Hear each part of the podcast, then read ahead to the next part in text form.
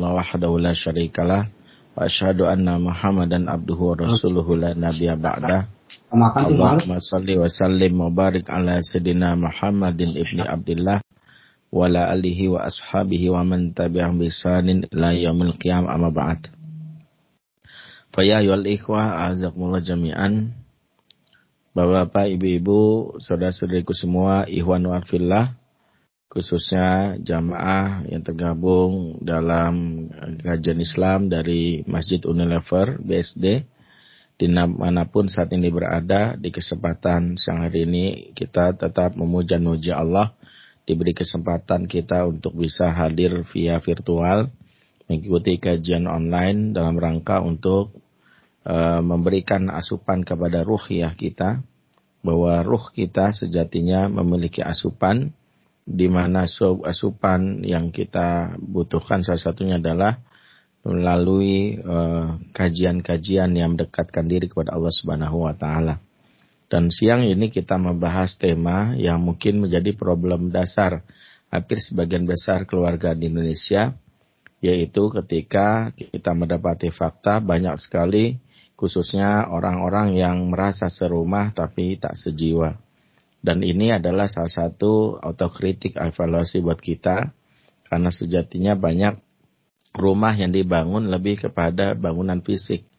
Banyak orang yang berumah tangga awal nikah yang dia selalu pusingkan, pikirkan mau bikin rumah di mana. Mau desainnya kayak apa, interiornya bagaimana, eksteriornya bagaimana. Tapi bagaimana dia mengelola keluarga atau disebut rumah tangga ini kadang tidak memiliki yang namanya dasar dan ilmu yang benar.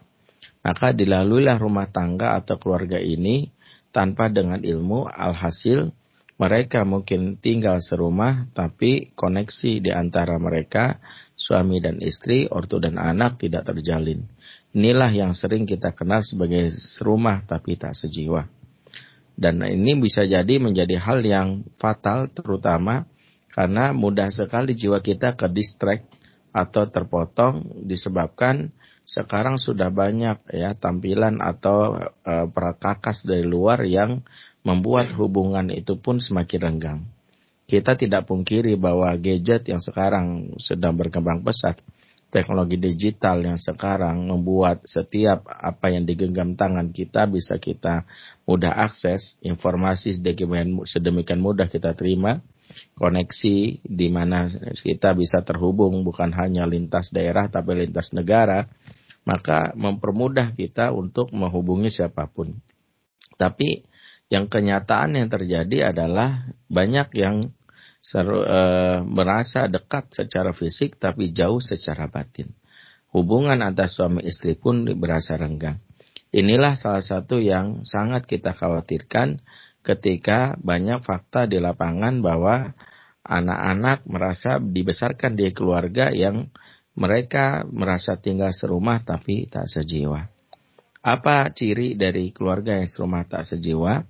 Kalau salah satu cirinya adalah ketika apa yang kita kenal keluarga serumah tak sejiwa ini adalah keluarga yang diibaratkan layaknya terminal. Kita sudah tahu bagaimana ciri khas terminal kan, ciri kalau ketemu orang di terminal biasanya ngomongnya bahasa basi gitu.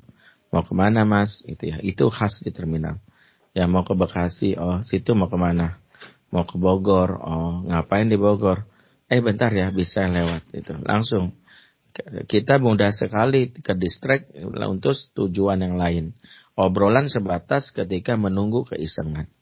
Maka kita dapati kadang-kadang rumah tangga yang seperti ini ngobrolannya basa-basi. Begitu ada panggilan telepon bentar ya papa ada yang harus diurus. Ya kalau ketemu ngomongnya basa-basi. Udah makan belum? PR udah belum ya. Hafalan kamu udah berapa? Jadi seperti itu.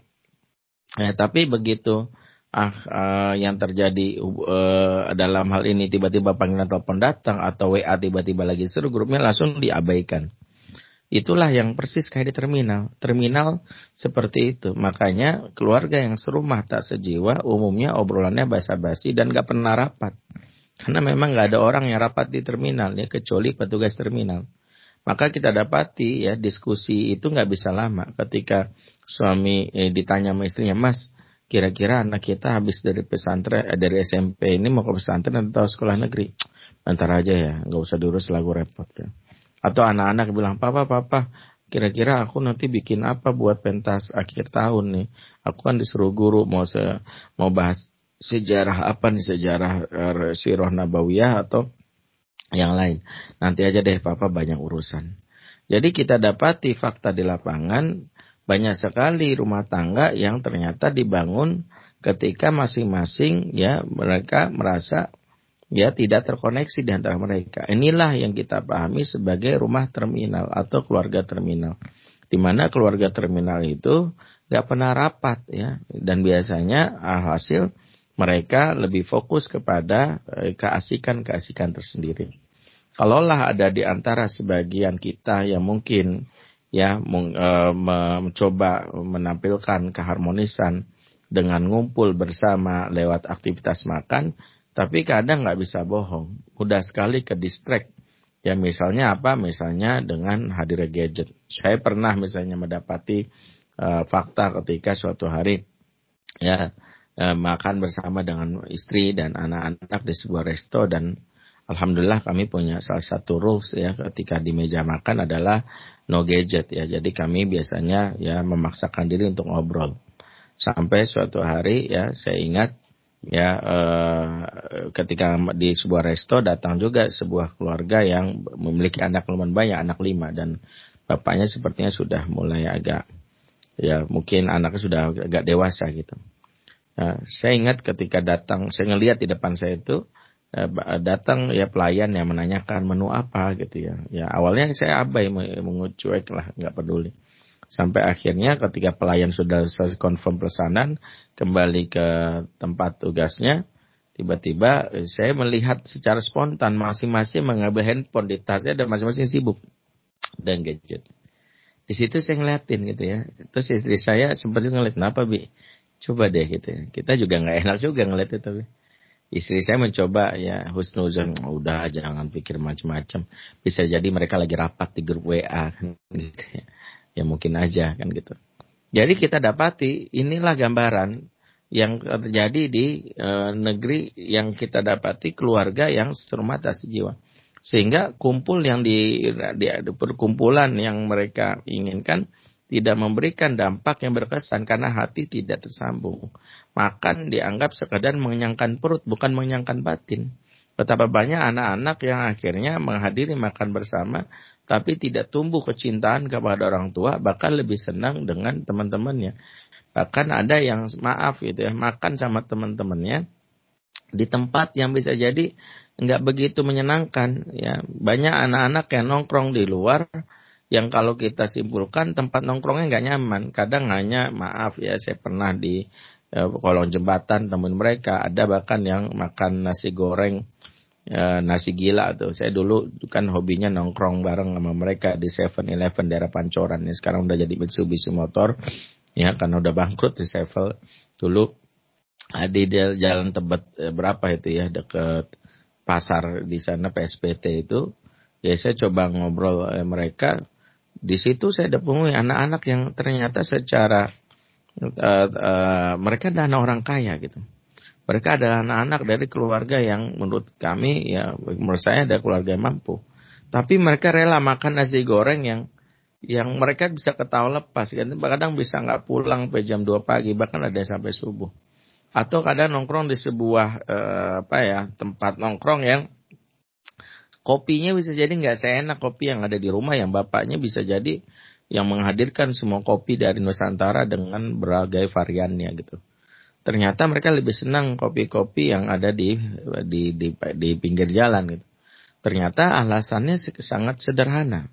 Ketika mereka merasakan bahwa mereka punya rumah tapi nggak punya keluarga. I have house not home. Salah satunya adalah ketika mereka tidak bisa merasakan kenyamanan di rumah karena kumpul bareng bagi mereka adalah sesuatu yang menyeramkan. Ciri rumah yang tak sejiwa selain tadi bahwa tidak pernah rapat, tidak pernah ngobrol, adalah tidak hadirnya suasana yang membuat penghuninya itu bisa senyum dan ketawa. Senyum dan ketawa itu adalah kebutuhan dasar manusia. ya bahkan bagi anak-anak ya senyum dan tawa itu udah kayak NKRI harga mati gitu kalau nggak dapat dari orang tuanya mereka cari pelampiasannya lewat media bahkan nongkrong di luar hal ini kenapa terjadi karena hubungan di antara kita sesama anggota keluarga hubungan yang tidak terkoneksi, lebih kepada hubungan yang berdasarkan kewajiban. Kalau ketemu bukan urusan yang terkait dengan ya emosi yang ditanya, tapi lebih banyak kepada uh, kewajiban. Uh, udah makan belum? PR udah belum? Nah, kamu udah berapa? Sekolah gimana? Gak pernah ada yang nanya gimana hari ini anaknya bahagia atau tidak apakah hari ini anaknya kok kelihatan mukanya bete? Pernahkah melihat wajah istri kemudian istrinya kemudian bahasa tubuh nggak nyaman? Kemudian kita bilang bahwa hari ini kamu kayaknya sedang nggak nyaman ya. Apa yang bisa aku bantu? Nggak ada. Lebih berpikir sederhana sekali ya. Istri bete dipikir seolah-olah bisa selesaikan dengan uang. Sambil bilang udah aku transfer ya buat kamu. Memang sebagian besar wanita butuhkan yang namanya materi kita nggak pungkiri. Tapi ketika seolah-olah masalah selesai dengan transfer uang, maka yang muncul adalah mereka mencari pelampiasan. Nah, ingat, manusia itu punya kebutuhan psikis yang mereka itu akan mencari jalan untuk bisa mencarinya. Ketika mereka rasakan tidak dapat di rumah, sebesar apa pun rumah, semegah apa pun ruangan, atau sebanyak fasilitas atau secanggih apa pun fasilitas yang dimiliki, ketika tidak mampu memberikan kekenyangan batin bagi mereka, maka mereka mencari pelampiasannya di mana? Mereka mencari pelampiasannya di luar.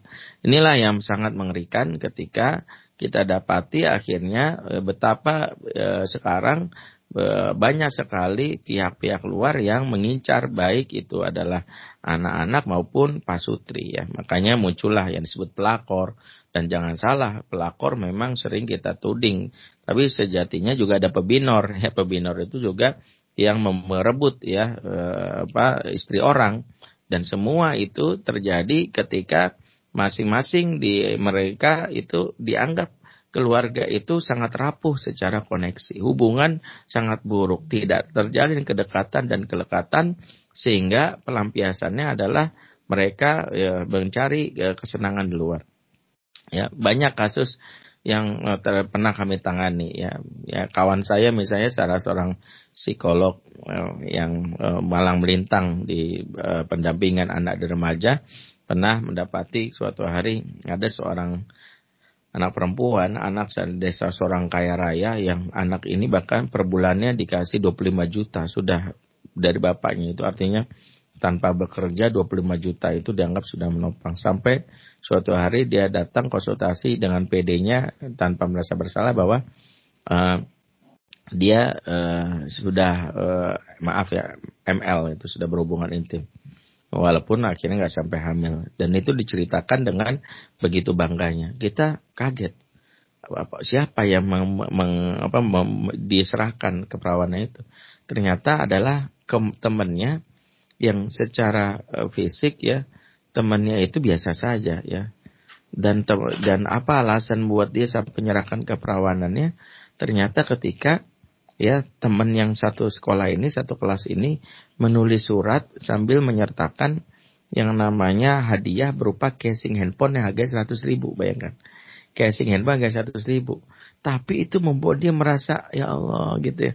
Dia merasa ini kok ini banget berharga banget ya selama orang tua ngasih 25 juta dengan handphone yang mahal ya bahkan iPhone terbaru pun dibelikan. Tapi ini ada yang ngasih cuman e-casing. Dan setelah itu dia uh, mampu membuat perempuan ini menyerahkan segalanya termasuk perawanannya. Kan kita kaget apa yang membuat wanita ini bisa menyerahkan ini. Salah satunya ketika dia cerita bukan handphonenya sih kak, bukan casing handphonenya. Tapi ketika bersama casing handphone itu dia bungkus dengan sebuah kotak yang warnanya warna aku banget gitu. Dia tahu banget kalau aku suka warna ungu dan dia tahu banget kalau aku suka tokoh saya lupa apakah Hello Kitty atau apa.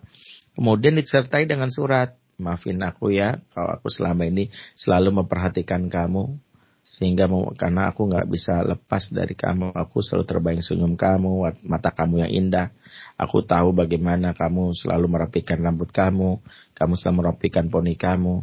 Aku juga perhatikan bagaimana ya kamu selalu dijemput oleh orang tua kamu. Aku eh, oleh supir kamu. Aku mendambakan bisa ngobrol sama kamu ada kesenangan. Awalnya dari itu doang. Tahu apa yang membuat dia akhirnya merasa dirinya dihargai, eksis. Dia merhatiin saya. Kak, ini ngomongnya sama, sama teman saya. Saya diperhatiin. Selama ini bapak nggak merhatiin saya. Bapak kok pulang, kalaupun ngobrol tuh sambil sambil ngeliat handphone, ah, hmm, Iya, ya, ya, nanti bapak tadi enggak, enggak lupa bahwa wanita itu butuh diperhatikan, butuh ngelihat wajahnya gitu. Tapi bapak enggak, hmm, ya, uh, udah sampai melihat. Itu membuat sebagian besar khusus anak wanita ngerasa ya Allah gue nggak diperhatiin banget ya. Sementara ada cowok yang mengatakan aku memperhatikan kamu terus. Bagi dia itu adalah hal yang wow, ini adalah oh, sesuatu yang berharga bagi wanita. Ya makanya wanita itu sering saya bilang kan butuh perhatian. Kayak wanita kalau nggak dapat perhatian larinya ke mall ya karena di mall ada perhatian perhatiannya itu itu candaannya aja. Tapi memang begitulah. Ketika kita dapati di dalam kehidupan anak-anak kita mereka tidak mendapatkan yang namanya rasa nyaman, kasih sayang dari keluarga terdekat yang itu menunjukkan mereka merasa diakui keberadaannya mereka cari sendiri haus mereka dan ini yang kadang-kadang kita tidak tidak pikirkan betapa kita membangun rumah hanya sebatas bangunan fisik tapi suasana tidak muncul. Ya salah satunya tadi perasaan kebutuhan yang mereka butuhkan, hiburan dan eksistensi itu nomor satu bagi anak-anak, hiburan dan eksistensi. Nah, kalaulah mereka dapat hiburan tapi kadang nggak eksis di mata orang tuanya. Kenapa mereka bikin akun sosmed demi mengejar jempol, di like, karena bisa jadi bapak nggak pernah bilang gini, hmm, mantap masakan kamu. Wah, anak papa. Like yang dilihat sama dia dan like yang didengar. Kalau laki-laki, like-nya itu bentuknya visual. Maka dia butuh. Hmm.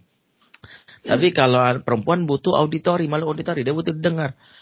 Hebat banget anak papa. Wah, cantik banget. Wajah kamu indah banget mata kamu, uh, ini matanya papa nih, ini ke mata mama mata duitan kan? Misalnya gitu. Jadi kelihatan gitu ya bagaimana anak ibu apa bisa aja, tapi dia merasakan itu. Tapi ini nggak dapat dari sisi orang tuanya, makanya dalam kasus yang lain kami temukan juga misalnya seorang ya anak gadis yang eh, sebuah sekolah ternama di negeri ini yang suatu hari dia pulang sekolah dia naik busway dia naik busway pulang sekolah dia walaupun sekolah Islam tapi dia nggak komit banget terhadap syariat. Jadi pulang sekolah ya dicopot jilbabnya gitu. Memang cantik wanita ini. Begitu dia nunggu di halte ada seorang preman yang ngeliatin aja ngeliatin aja. Ngeliatin itu membuat dia awalnya risih. Nah sudah diprotes eh ngapa sih lihat Oh, terus preman senyum, sorry sorry nggak apa-apa gitu. Melangilkan pandangan, begitu cewek ini e, nunduk lagi dilihatin lagi. Akhirnya cewek ini risih, eh eh, mata lu kurang ajar ya, gue lapor polisi nih. Lalu, oh, akhirnya cewek cowok ini tersenyum, nggak apa-apa lapor polisi. Gak perlu ngadu TNI, Densus 88, ah, gue mesti nggak apa-apa di penjara demi melihat mata yang paling indah di muka bumi ini. Saya baru kali ini gue ngeliat mata indah banget gitu baru kali ini. Perempuannya awalnya bilang apa sih lu rese lu. Dia kesel gitu dia buru-buru misalnya. Ya, dia masuk ke dalam ininya dia apa uh, Butan Baswe datang ya tapi pernyataan bahwa dia mata paling indah itu dikenang sama dia langsung dia ambil kaca diliatin uh bener gak sih mata gue paling indah gitu diliatin ya, sampai dia ke kamar gitu ya di uh, pulang di, dicari pertama cermin diliatin gitu. Akhirnya dia merasa baru kali ini ya? Karena bapaknya nggak pernah ngomong gitu mamanya juga. Maka besok dia sengaja datang ke halte itu pas di, preman tuh ada sengaja gitu. Kalau preman tuh nggak ada dia pura-pura nggak ada. Pas gitu preman datang gitu. ini malu-malu kucingnya perempuan gitu ya. Ya malu Akhirnya apa? Preman ini goda lagi, di awalnya marah, lama-lama kenalan. Ujung-ujungnya mereka pacaran. Waliyazubillah 6 bulan dan kemudian mereka, wanita ini hamil. Gitu. Padahal belum lulus SMA. Jadi memang, aduh, kalau melihat fakta di lapangan ngeri. Semua terjadi karena ketika rumah tak bisa membangun koneksi. Yang terjalin adalah lebih banyak koreksi. Ya, tahu koreksi. Apa-apa tuh salah, baru nasihatin. Eh, mas, kamu tuh nggak benar ininya, sholat kamu nggak benar, salah tuh bid'ah gitu. Terus seorang suami lebih banyak bangun koreksi, jadi baru merespon kalau misalnya nampak kesalahan. Betapa bapak baru datang lihat, kamu kenapa nggak sholat? Ini jamnya sholat. Jadi yang pertama kali itu koreksi sebelum koneksi. Padahal kata para ahli connection before correction. Tapi yang nampak di masyarakat yang kita lihat itu adalah koreksi ya sebelum eh, koneksi belum apa-apa udah eh kamu tuh bisa nggak sih ya itu kon lihat tuh jalanan tuh apa lihat tuh siapa yang numpain air di situ jadi kehadiran ortu dan kehadiran orang anggota keluarga itu lebih banyak mengkoreksi. Tapi belum ada yang menjalin koneksi. Padahal mungkin yang dibutuhkan oleh anak itu menjalin koneksi tadi. Bahwa kesejiwaan ditandai dengan koneksi tadi. Ya, bagaimana misalnya ketika bertemu, ya apa sih yang dibutuhkan? Yaitu ketika pesapaan pertama ada sapaan yang ini gue banget gitu ya. Misalnya sederhana banget. Saya ngeliat wajah istri, nak atau ngeliat istri kita ngeliat sayang, hari ini kamu bahagia nggak? Sepele itu, tapi bagi istri, walaupun dia bilang, enggak lah aku ini. Jadi, oh ngerti banget. Aku ditanya hari ini bahagia. Aku doain kamu bahagia. Enak gitu ya, karena betapa banyak pertanyaan ini nggak pernah kita tanyakan ke pasangan atau ke anak-anak. Hari ini kamu happy nggak nak? Ya, aku tadi tuh kesel banget sama kakak karena kakak ngambil mainan aku. Ya Allah. Terus gimana? Iya kakak begini-begini. Terus hari ini masih kesel. Udah enggak. Sekarang mah udah happy lagi. Alhamdulillah. Jadi mereka tuh butuh disapa perasaannya. Atau disapa sesuatu terkait dengan dunianya. Bayangkan betapa Rasulullah SAW sesibuk-sibuknya perhatikan. Sering kali kita berdalih karena kan saya sibuk Ustaz. Tapi kita lihat sesibuk-sibuknya Rasul. Beliau tahu bagaimana ya bersikap bahkan dalam urusan yang dianggap oleh orang itu sepele ya yaitu menghargai yaitu anak-anak yang ada sekitarnya. Bayangkan suatu hari Rasulullah mendapati kabar dari Anas bin Malik bahwa yang namanya ya yang namanya apa uh, uh, sepupunya bernama uh, Abu Umair ya kunyahnya nama Abu Umair itu sedang bersedih karena kehilangan burung pipit. Dan Rasulullah ketika dengar ini nggak bilang, Allah anak kecil baru burung pipit. Tapi Rasulullah langsung mendatangi Betapa Rasulullah ingin menjaga perasaan bahwa engkau tidak sendiri ya. No, you never walk alone gitu ya. Ini tagline-nya apa ya? Liverpool ya. ya. Itu sering kali abaikan. Ya. Bayangkan Rasulullah ingin memastikan bahwa you never walk alone. Kamu nggak sendiri. Makanya Rasulullah bertanya ketika bertemu dengan Abu Umair ya Abu Umair Mafalan nugair. Eh Abu Mair. Burung pipit kamu gimana kabarnya? Bayangkan Rasulullah itu. Aduh. Makanya betapa ini menjadi pelajaran. Rasulullah itu sampai mengerti bahwa ketika ada seorang kilang burung pipit langsung ditanya burung pipitnya. Rasul gak nanya yang lain. Orang tuh seneng kalau berkaitan dengan dirinya. Bahkan Rasulullah tuh pernah yang ketika ada salah seorang anak bernama eh, apa ini kenapa? Oke. Okay. Oke, okay, ketika suatu hari ada salah satu apa uh, Rasulullah mendapati uh, diberikan baju yang bernama hijau, tiba-tiba Rasulullah langsung teringat ya ter eh yang suka baju ini namanya Ummu Khalid. Ummu Khalid ini salah seorang anak yang kunyahnya Ummu Khalid ya. Rasulullah langsung mencarinya dan Rasulullah langsung uh, memberikan kepada dia ya. Beliau berasal dari Habasyah. Bahwa Rasulullah kepikiran betul, oh kalau sama kalau kita serumah sejiwa itu, bahkan lagi kita lagi di mall, misalnya maaf ya, kita lagi beli sesuatu, tiba-tiba kita ngeliat ada benda lucu. Ih, ini kan istriku suka banget ini. Oh dia kalau dibeli pasti bahagia banget nih. Dia kan senang banget koleksi koleksi saya katakanlah ini. Beli ah beli ah lucu-lucu nih. Itu namanya se, sejiwa gitu. Kepikiran gitu. Kadang ada ortu ya apa bukan ortu saja. Suami Eh, ketika manusia tuh nggak pikir kalau makan dipikirin diri aja nggak berpikir bahwa kalau makan tuh beli ah ini kayaknya enak nih misalnya ketika beli makanan gitu ih martabak enak juga nih wah istriku kan dari martabak bang beli bang bungkus bang gitu eh itu nama sejiwa kalau sejiwa itu dia mikirinnya kekitaan ih kayak anakku suka banget nih eh lagi makan nih wah ini kayaknya lah telepon ke rumah saya lagi masak nggak enggak beliin ya, ini kebetulan ada ini enak. Oh ya boleh, boleh. Itu sejiwa namanya. Nah kalau kita sampai urusan kayak gini aja nggak nyambung, sering kali ya pulang ketika dia udah kenyang, ya kemudian istri nanya, udah makan mas? Udah. Gimana di luar? Oh. Dan suami merasa pertanyaan itu hanya tuh diri, dia nggak pernah nanya balik. Kamu udah makan itu, padahal maaf gitu ya. Kalau wanita bertanya kamu udah makan, itu dia menjadikan dirinya itu sebagai objek yang ingin ditanya balik. Makanya jangan polos dengan mengatakan aku udah makan. Selesai. Sebanyak suami nggak nyambung itu lagi naik motor, istrinya ngajak keliling-keliling tuh, tiba-tiba Mas mau udah makan nggak? Mungkin dia masih sungkan gitu. Jangan pede bilang udah udah kenyang gitu. Gak mikir tuh istri nanya itu mungkin lagi nahan mah ya. Asam lambungnya lagi naik. Tapi dia mungkin masih sungkan nanya gitu. Gak nggak ada pertanyaan gini kamu sendiri gimana? Harusnya kan menanyakannya ketika istri nanya ma mas kamu udah makan belum? Dia harus mikirnya oh nih ini istri nanya ini karena dia lapar. Mungkin kan nanya hmm, kita cari makanan gitu aja. Harusnya ngerti itu. Kamu maunya makan apa? Langsung tanya tembak balik aja. Kamu mau makan apa? Nah ketika istri bilang baru uh, jawab sesuatu baru kita carikan. Ya, misalnya itu tadi, itulah menunjukkan kesejiwaan. Jadi koneksi itu yang pertama kali harus dibangun. Nah, membangun koneksi inilah salah satunya mau nggak mau cara pertama ngobrol. Ngobrol itu salah satunya meluangkan waktu. Dan inilah gambaran penghuni surga yang diceritakan dalam Al-Quran.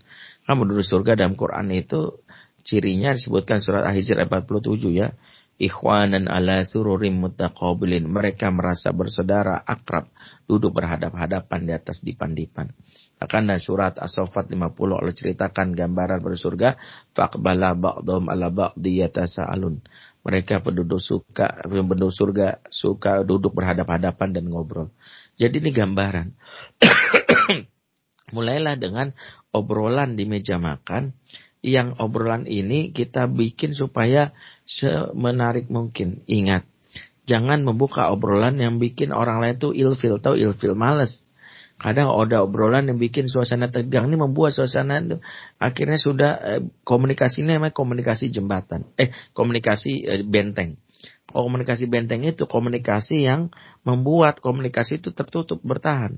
Kalau komunikasi jembatan, komunikasi yang membangun rasa nyaman. Ya, misalnya apa? Komunikasi yang e, tidak dengan nasihat, tapi mulai dengan cerita. Tadi tuh papa tuh. Tadi waktu di jalan tuh ketemu ada orang gila. Uh, ngeri tuh.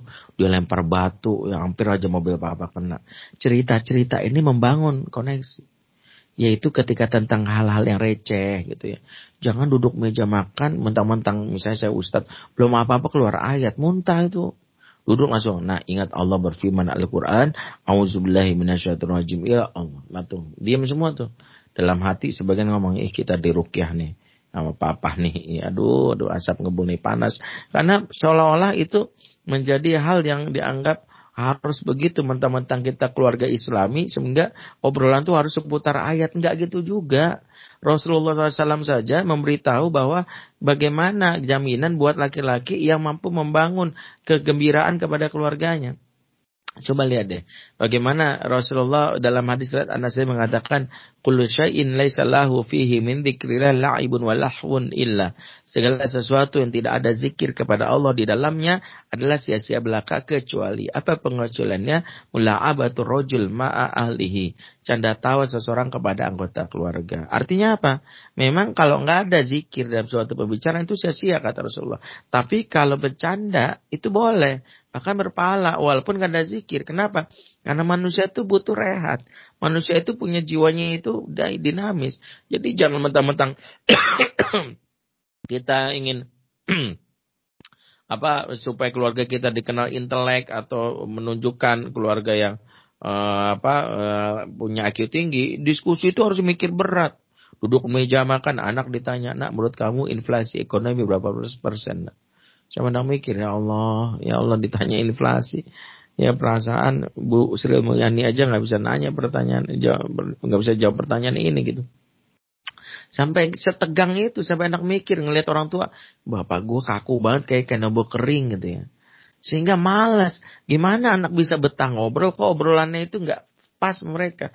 Karena salah satu ciri khas obrolan yang memang akan mereka rindukan ini terkorelasi ya bahwa obrolan dan sesuatu yang menyenangkan uh, obrolan dan sesuatu yang menjadi dasar kita membangun kembali uh, rumah yang terkoneksi yang kedua obrolan yang menyenangkan adalah obrolan yang mampu membangun senyum dan tawa Ya, sebab senyum dan tawa bagi anak itu adalah sesuatu yang sangat dibutuhkan. Tadi sudah kita bahas. Senyum dan tawa itu udah kayak NKRI, harga mati gitu. Kalau nggak kita kenyangkan, mereka cari sendiri. Mereka rela untuk nongkrong jalan karena bisa senyum, bisa tawa. Tapi kalau rumah nggak mampu bangun senyum tawa, ya mereka cari sendiri. Nah, obrolan bangun senyum tawa itu mereka butuhkan. Makanya kalau kita ngobrol, nggak ada salahnya obrolan receh. Karena ini yang memberikan gambaran rumah surga yang sering kita ucapkan. Seringkali kita bercita-cita baiti jannati. Tapi kita lupa bahwa baiti jannati yang kita ucapkan ini memiliki ciri. Salah satu ciri rumah surga dalam surat uh, Abbas ayat 38 39 apa? Wujuhu yawma idzin muswirah dahikatu mustabsyirah. Wajah mereka di hari itu berseri-seri. Ketawa happy, bergembira ria. Jadi gambaran penduduk surga itu happy, bergembira ria. Jadi kita kalau nggak bisa bikin suasana happy di dalam rumah, itu bukan beti janati, bisa-bisa beti nari. Karena beti nari cirinya apa? Yaitu orang itu nggak bisa senyum. Orang itu nggak bisa ketawa.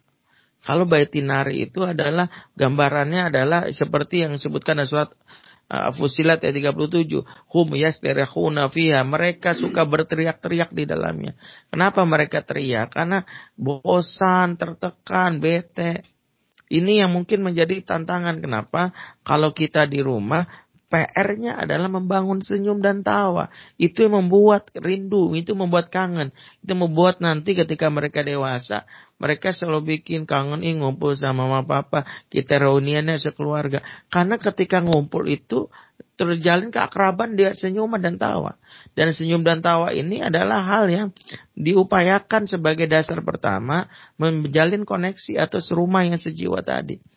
Ketika senyum dan tawa ini hilang, berganti air mata dan teriakan, maka inilah kondisi rumah yang tak sejiwa. Membuat penghuninya itu mencari pelampiasannya ke luar rumah ya suami yang mencari hiburan dengan teman-temannya, istri juga banyak di sosmed, mencari dukungan dari fans, ya mencari followers sebanyak-banyaknya. Begitu juga dengan anak yang main dengan game. Mereka kumpul di rumah tapi kondisinya ya kayak pas udah ngantuk aja pulang begitu udah capek, begitu sampai rumah tidur, bangun pergi lagi. Bagaimana kita bisa ini serumah tak sejiwa? Eh, bagaimana kita bangun rumah yang serumah dan sejiwa kalau kondisinya seperti ini? Nah itulah mengapa kalau kita lihat para sahabat, mereka mempraktikkan betul bagaimana berinteraksi dengan keluarganya dengan dengan hal yang menyenangkan. Karena mereka tahu rumah itu jadi tempat untuk orang merasa betah. Maka rumah itu sebut al-maskan, al-ma'wa. Sebut maskan dan ma'wa saya membuat orang bernaung. Gak mungkin orang bernaung kalau di dalam rumah itu tegang. Ya, suasana menyeramkan. Obrolannya itu saking seriusnya sampai anak mikir, gue jangan-jangan tinggal di Korea Utara nih ya.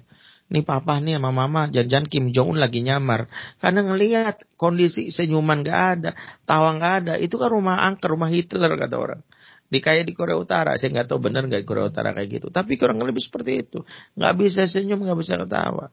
Padahal para sahabat mempraktekkan bagaimana kalau di rumah mereka bangun senyum.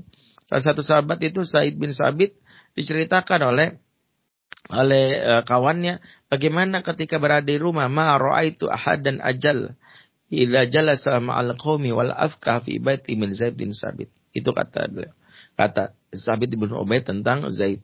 Apa kata beliau? Saya belum pernah melihat laki-laki yang lebih gagah lebih berwibawa saat berada di hadapan kaumnya atau koleganya, namun lebih kocak, lebih lucu saat di rumahnya dibandingkan Zaid bin Sabit. Jadi Zaid bin Sabit ini sahabat yang disebutkan kalau berada di hadapan kaumnya gagah, berwibawa. Tapi ke rumah lucu dan menyenangkan. Sebagian ayah kebalik. Kau nongkrong sama teman-teman yang lucu, kocok, ha, ha, gitu. Tapi kalau di rumah, ya maaf ya, galaknya luar biasa. Atau kasar, atau cuek banget gitu. Anak cuma, eh, sholat. Jam segini nih. Dia nggak bisa bangun tawa gitu. Makanya saya kalau saya ditanya simpelnya gimana sih Ustaz konsep rumah dan sejiwa? Konsepnya bisa ketawa bareng. Bisa senyum bareng. Bisa mentertawai kebodohan sendiri nggak ada masalah. Menjadi orang tua itu nggak harus sempurna di hadapan anak. Justru anak melihat adanya uh, apa uh, apa tidak ada lagi border ya borderliness nggak uh, ada lagi border yaitu mereka merasa mudah terakses karena kan salah satu kebutuhan anak zaman now adalah ortu yang accessible. Salah satu ortu accessible selain uh, ketika dihubungi selalu merespon, ya. Kedua ortu accessible ada ortu yang merespon dengan tepat gitu ya. Ada ortu yang tidak yang merasa accessible, hubungi papa ya kalau kamu butuh apa-apa gitu. Papanya dihubungi tapi setiap dihubungi bikin anak ilfil. Kenapa? Orang dihubungi selalu nasihat. Pak, tadi kan ada yang naksir aku, Pak. Astagfirullahaladzim. Kamu tahu kan nak? Allah berfirman dalam Al-Quran. A'udzubillahiminasyaitonirrajim. Bismillahirrahmanirrahim. Anak langsung mati. Gak mau cerita. Udah diputus eh, bagaimana. Orang lagi cerita itu yang dibutuhkan denger. Makanya kalau di dalam rumah yang serumah yang sejiwa. Ada salah satu teknik namanya the power of hearing. The power of mendengar. Kekuatan mendengar. Tekniknya adalah bagaimana orang merasa nyaman. Jangan belum apa-apa ditimpa nasihat dulu. Di belum apa-apa dikeluarin ayat. Dengerin. Karena kemampuan mendengar ini membuat orang lain nyaman. Istri lagi cerita, dengerin. Anak lagi cerita, dengerin. Suami cerita, istri dengerin. Saling mendengar sambil bilang apa-apa dulu cerita ya. Inilah salah satu yang kita harapkan dari rumah tangga yang terkoneksi. Yaitu adalah rumah tangga yang terjalin keakraban dicirikan dengan hadirnya senyum dan tawa. Maka ketika mereka dewasa, ketika mereka sudah memiliki keluarga masing-masing, apa yang mereka peroleh di masa kecil dan segudang kegembiraan itulah yang mereka tularkan saat mereka menjadi bapak dan ibu, saat menjadi suami dan istri. Tapi ketika mereka tidak mendapatkan itu di masa kecilnya, itulah membuat skema baru yang mereka tiru saat mereka jadi ortu. Makanya turun temurun tuh. Kadang pola asuh yang buruk itu diturunkan. Kita yang nggak pernah peduli sama keluarga waktu kecilnya karena hidup dengan materialisme dan dipisahkan dengan sosial media, sama akhirnya ketika kita menjadi seorang apa ayah dan ibu kita pun seperti itu lebih banyak ikuti pola itu kita yang dulu suka marah-marah ya dibesarkan dengan marah-marah bapak ibu marah-marah kita pun kelak menjadi ortu yang suka marah-marah ketika kita sudah punya anak. Semua saling bergilir, semua saling berpola. Maka mau tidak mau kesadaran hari ini mem mem memikirkan satu hal. Baik, saya ingin saling terkoneksi hubungan saya antar keluarga. Kalau sekarang sudah terlanjur terjadi, maka kitalah yang berupaya merubahnya. Kitalah yang secara inisiatif. Kalau ternyata para ayah yang mendengar sini, maka para ayahlah sebagai koam yang menyadari bahwa kalau gitu saya berusaha lah gitu ya membuat anak nyaman memastikan bahwa kalau lagi ngobrol itu obrolannya mulai yang ringan-ringan. Obrol yang ringan itu bisa kita mulai dengan hal-hal terkait dengan diri kita atau terkait dengan hal anak. Misalnya yang sederhana aja menceritakan masa kecil kita nah kamu tahu nggak dulu papa waktu seumur kamu tuh papa hampir tenggelam hampir mati. Masa iya Dulu kan papa pengen banget berenang. Cerita yang kayak gitu kayak gitu itu disukai mana. Sama istri pun begitu. Jangan kita terlalu berat kok diskusi di dalam keluarga itu. Karena sudah lelah mereka itu dengan dunia luar. Mereka butuh refresh, relax. Itulah sebut rumah sebagai maskan. Tenang gitu ya. Berarti nggak boleh diskusi berat. Boleh, tapi ada waktunya. Ada masanya, ada saatnya. Jangan membuat kehidupan tegang. Ketika kita rasakan bahwa orang sudah rileks, tenang, enak diajak diskusi berat. Ya suami kau pulang kantor, jangan ujung-ujung langsung tanya, Pak kita harus ngomongin tentang evaluasi anak nih. Ini bandel mana kita? Eh orang lagi pulang.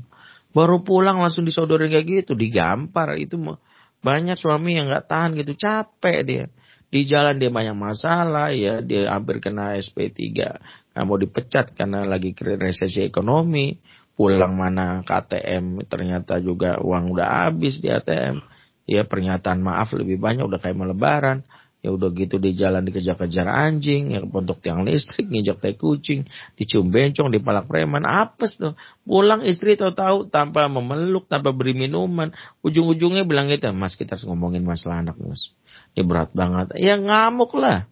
Ya bukan berarti dibenarkan ngamuknya. Secara manusiawi ada istri-istri yang eh, suami-suami yang benar-benar ya kamu tidak mikir. Makanya Rasulullah SAW itu ketika pulang itulah betapa Khadijah istri yang luar biasa mampu memahami betul ketika suami pulang dengan segala hal lalu di luar jangan kepo jangan banyak nanya. Oh yang yang penting berikan kebutuhan dasarnya dipeluk aja dulu. Diberikan kehangatan, berikan air minuman, disilakan mandi. Kadang suami ketika pulang capek malah dua meli. Dari mana mas? Gak mikir apa ya di rumah nih. Iya pasti kita marah. Tapi ada saatnya kita untuk bisa ya memberikan itu di saat yang tepat. Kalau ujung-ujung langsung marah ya pasti dari penolakan ujung-ujungnya berantem. Nah kondisi yang tidak nyaman inilah membuka peluang. Sekali lagi kalau kita lihat bagaimana cerdikan dari para pengedar narkoba, predator seksual, pelakor dan pebinor, mereka melihat celah itu dalam keluarga. Keluarga yang rapuh lah yang memasuk pihak ketiga. Keluarga yang rapuh itulah yang memungkinkan anak-anak kita secara fisik diasuh sama kita. Diberikan makan, diberikan minuman, diongkosi biaya hidupnya, tapi jiwanya diisi oleh K-pop, jiwanya diisi oleh artis Korea, jiwa diisi oleh wanita laki-laki di luar yang dia idolakan.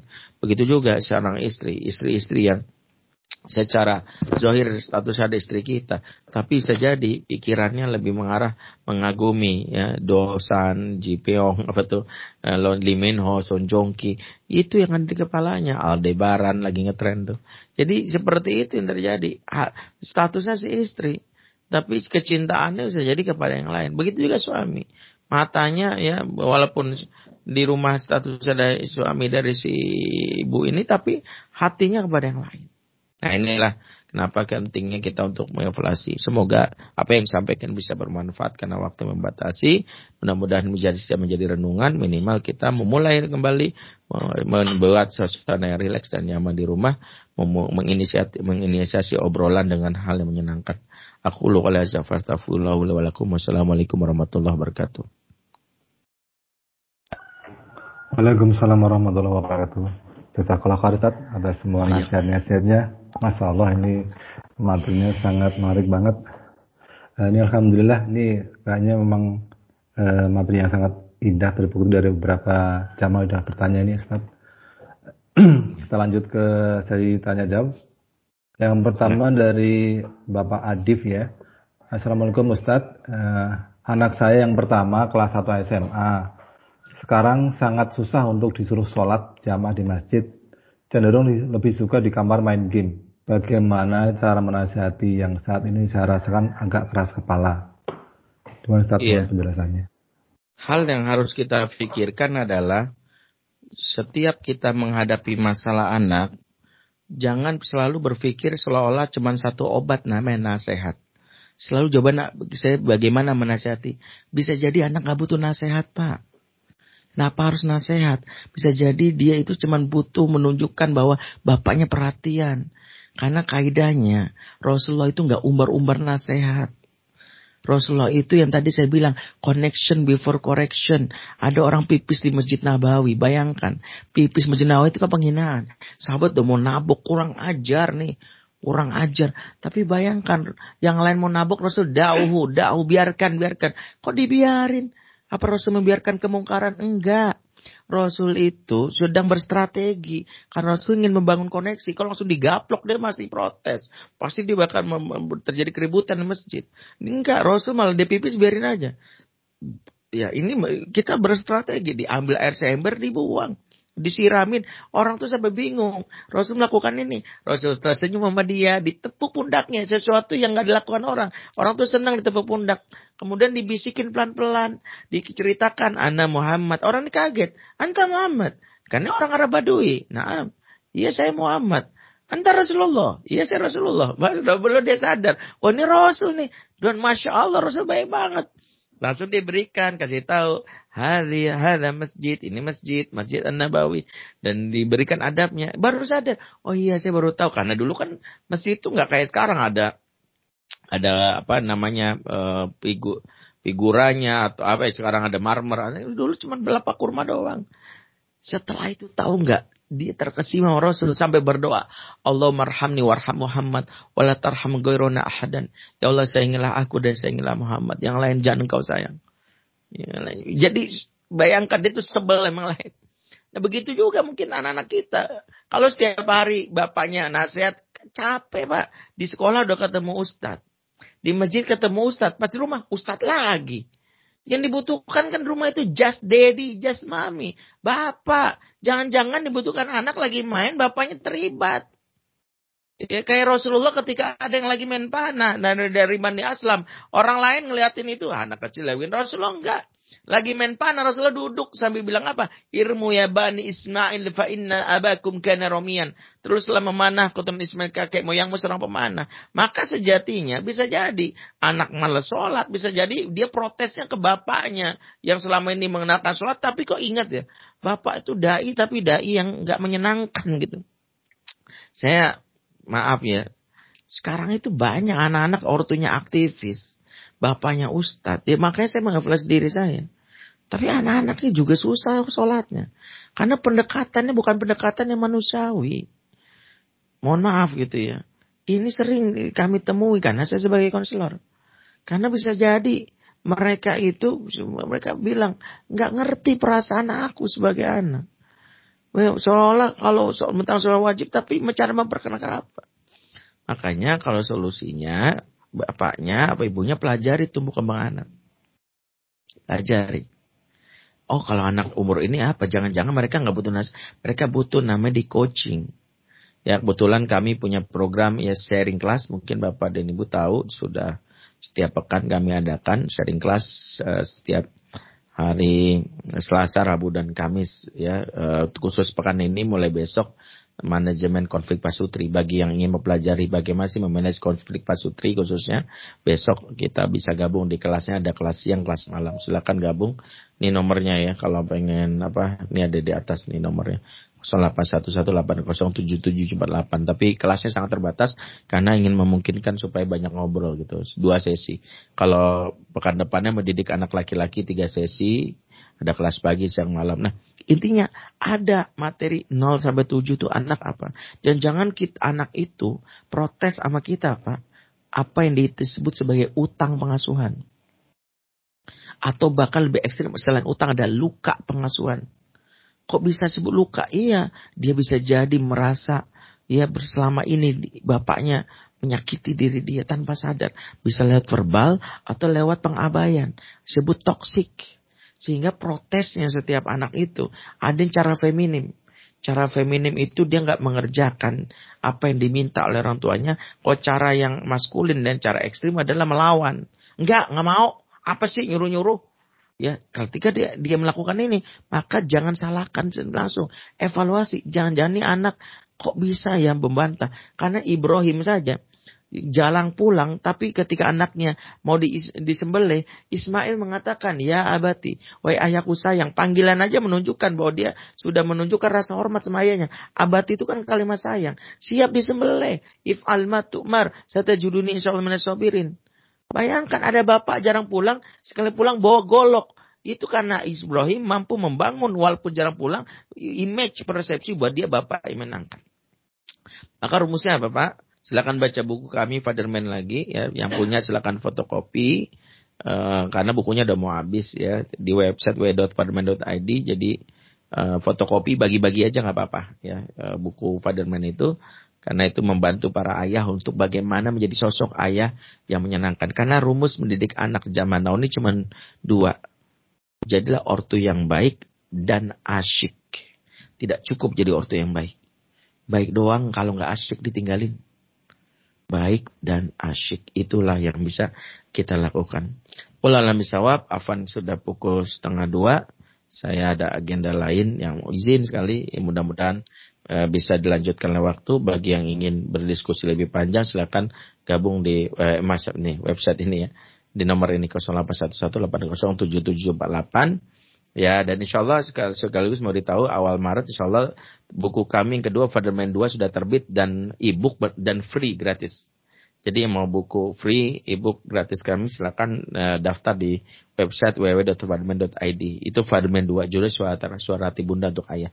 Dibagikan e-book dan data tangan digital kami kepada yang yang membutuhkan. Nanti akan dikirimkan ke email dan WA masing-masing. Itu saja Afwan saya harus sudahi. Insyaallah lain waktu kita lanjutkan. Subhanakallahumma bihamdik asyhadu an la ilaha illa Assalamualaikum warahmatullahi wabarakatuh. Waalaikumsalam warahmatullahi wabarakatuh. Terima kasih Ustaz. kalau khair atas semua nasihatnya. Mudah-mudahan apa yang telah disampaikan memberikan manfaat buat kita semua dan tentunya bisa bisa kita aplikasikan di kehidupan kita sehari-hari. Amin. Uh, mungkin karena apa sudah sudah habis dan kemungkinan besar ini karena Ustaz sudah ada agenda lain. Mohon maaf, ada dua pertanyaan lagi sebetulnya Ustaz. Apakah ini akan kita sampaikan oleh biaya Ustaz ya? Oh, Insyaallah. Baik Ustaz. Nah, baiklah Bapak Ibu sekalian yang dirahmati Allah Subhanahu wa taala, mengingat waktu dan juga karena Ustaz juga sudah ada agenda yang lain, adalah kita agenda kali ini kita akhiri dengan bacaan kafirul majelis.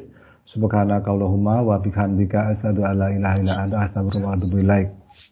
Dari saya tentunya mohon maaf kalau ada perkataan yang kurang pas dan kurang berkenan. Eh, kita akhiri. Assalamualaikum warahmatullahi wabarakatuh. Terima kasih Ustaz semuanya. Waalaikumsalam warahmatullahi wabarakatuh.